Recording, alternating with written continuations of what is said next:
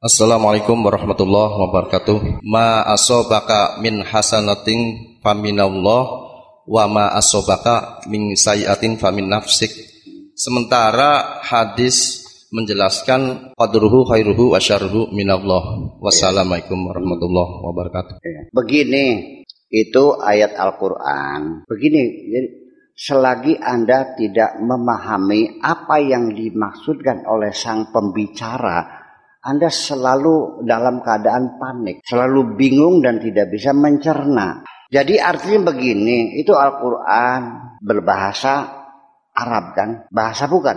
Bahasa. Hadis pakai bahasa Arab. Nabinya orang Arab ngomongnya Arab. Setiap bahasa apa saja itu selalu ngomongnya begini maksudnya begitu. Itu biasa. Ya, jadi kita harus jangan berpegang pada tekstual.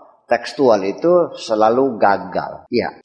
Kontekstual juga gagal juga. Iya, kita kembali kepada kajian-kajian e, psikolinguistiknya, kajian-kajian ilmu jiwa bahasa itu sendiri. Sebab bagaimanapun bahasa juga punya jiwa, jiwa bahasa. Saya ingin mengatakan bahwa Tuhan mengatakan wa ma asabaka min hasanatin min Allah wa ma asabaka min sayyatin min nafsik. Itu lagi ngajarin kamu bertata krama bersopan santun dengan Tuhanmu. Ini adalah adalah kata-kata mutiara, kalimat-kalimat motivasi Al-Quran yang jarang disentuh oleh orang. Karena orang baca Quran yang diurak-urak hanya haram dan halal mutiara-mutiara yang tersebar di ayat-ayat Al-Quran tidak pernah tersentuh. Ini yang kamu cari, ini motivasi-motivasi yang bisa membangun semangat hidup. Yang namanya guide of life. Iya. Apalagi sama Allah. Kepada atasan saja. Mampukah kamu mengatakan ketika ada pekerjaan yang tidak selesai atau gagal, kamu katakan kepada atasan, ya ini kan anda atas kan bertanggung jawab, saya kan bawahan, langsung dipecat hari itu juga, betul nggak?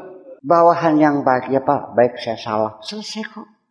Memang itu kesalahan saya, selesai kan? Betul nggak? Bayangkan kepada manusia saja anda bersopan santun seperti itu, apalagi kepada Tuhan. Kalau baik katakan darimu ya Allah, ketika buruk kesalahan saya, selesai kok. banget. Jadi itu bahasa, kayak bahasa syariat. Bahasa syariat itu tuh. Betul nggak?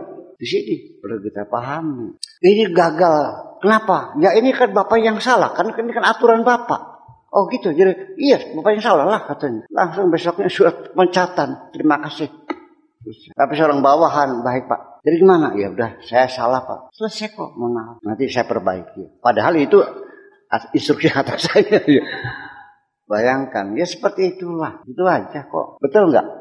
Adapun Nabi sendiri juga seperti itu. Bahwa ketika kita mengatakan bahwa khairihi wa minallah. Kebaikan dari Allah. Kejahatan dari Allah. Kurang ajar banget kan. Masa Allah jahat? Kalau saya diizinkan akan saya robah itu. Untuk mina bil qadari khairihi wa khairihi wa khairihi wa khairihi wa khairihi min Allah. Saya akan tidak menyebutkan wa syarrihi. Memangnya Allah buruk seperti itu. Ya dong. Kalau seandainya ada dua lembaga yang satu berbuat jahat, yang satu berbuat buruk, berarti Tuhan kita ada dua. Tuhan kebaikan dan Tuhan kejahatan. Nah itu seperti agama Mazdak.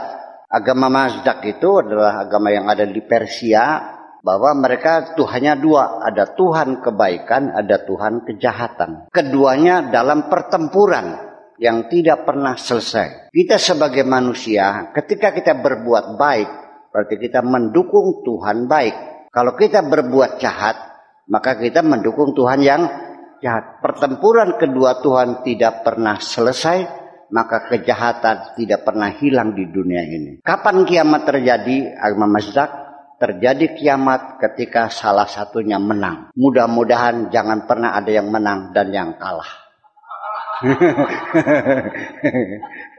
Ini kan seperti itu jadinya. Ya sudah, jadi jadi kalau seandainya demikian, begini maksudnya bahwa baik itu kebaikan Allah. Ketika keburukan tetap adalah kebaikan Allah. Hanya kita mengatakannya itu buruk karena kita melihatnya dari sudut pandang kita. Tolong kita buka pikirannya. Ada orang tua menjewer anaknya. Kejahatan atau kebaikan? Kata bapaknya. Tanya sama anaknya. Bapak jahat. Bapak. Betul nggak? Nah kita kalau melihat masih ada kejahatan dari Tuhan. Berarti kita masih anak-anak sebetulnya.